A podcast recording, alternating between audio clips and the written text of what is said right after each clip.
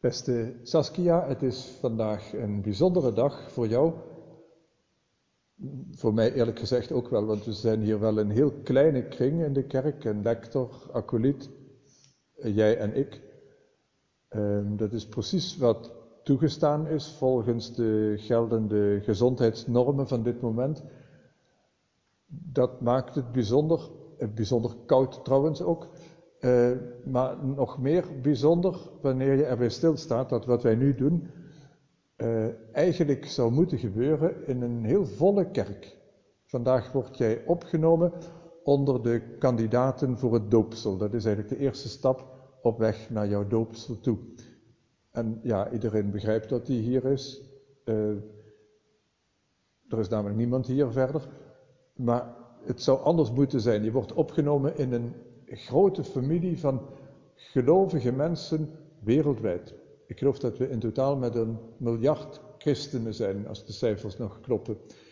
Um, heel veel broeders en zusters die jou met graagte, ja, omarmen mag ook al niet, maar in hun midden opnemen, um, om aan jou te laten voelen, je staat er niet alleen voor. Wanneer je in God, de Vader, de Zoon en de Heilige Geest gelooft, dan word je gedragen niet door die God alleen, maar ook door heel die wereldwijde gemeenschap van christenen.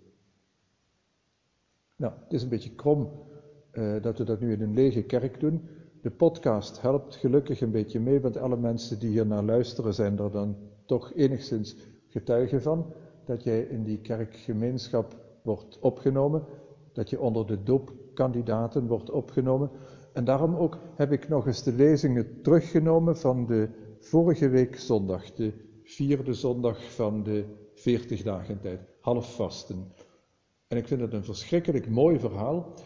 En dat verhaal is met opzet ook voor die zondag uitgekozen, omdat de vasten precies de tijd is waarin die doopleerlingen zich presenteren in de kerk. Je hoort dat aan alles. Hè?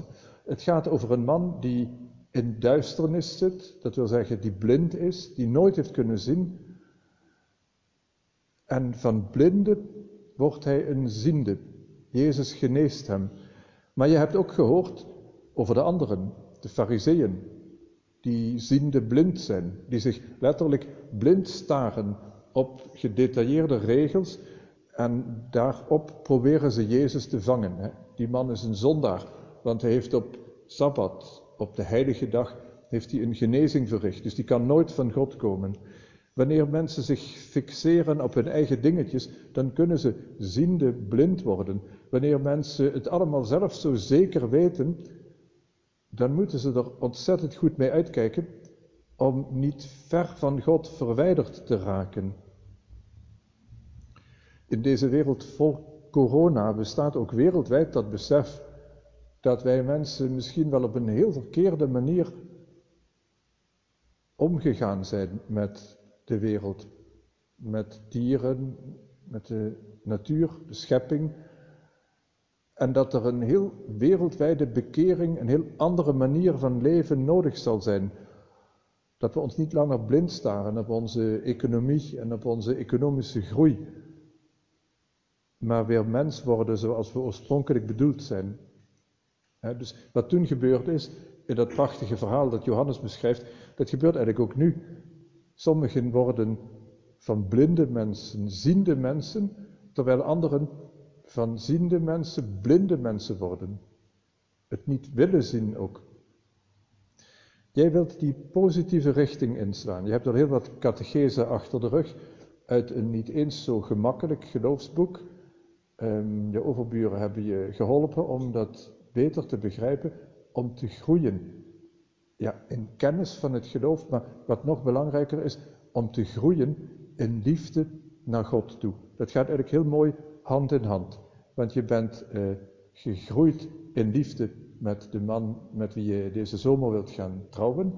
En we hopen vurig voor jou dat dat allemaal kan doorgaan.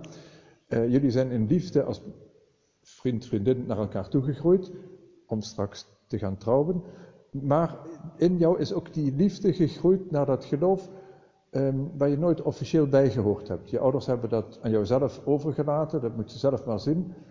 Um, je gaat met een katholieke man trouwen en je hebt gezegd, dat geloof heeft me altijd al geboeid. Nu wil ik zelf gedoopt worden. Nu wil ik zelf bij die Rooms-Katholieke Kerk gaan horen. Liefde voor het geloof, dat is misschien nog belangrijker dan kennis van het geloof. Bij die fariseeën uh, is de kennis wel aanwezig, maar de liefde ontbreekt. Dat het bij jou hand in hand mag gaan. God kennen en God liefhebben. Dat is mijn gebed voor jou. We gaan graag verder met de vragen die ik aan jou ga stellen.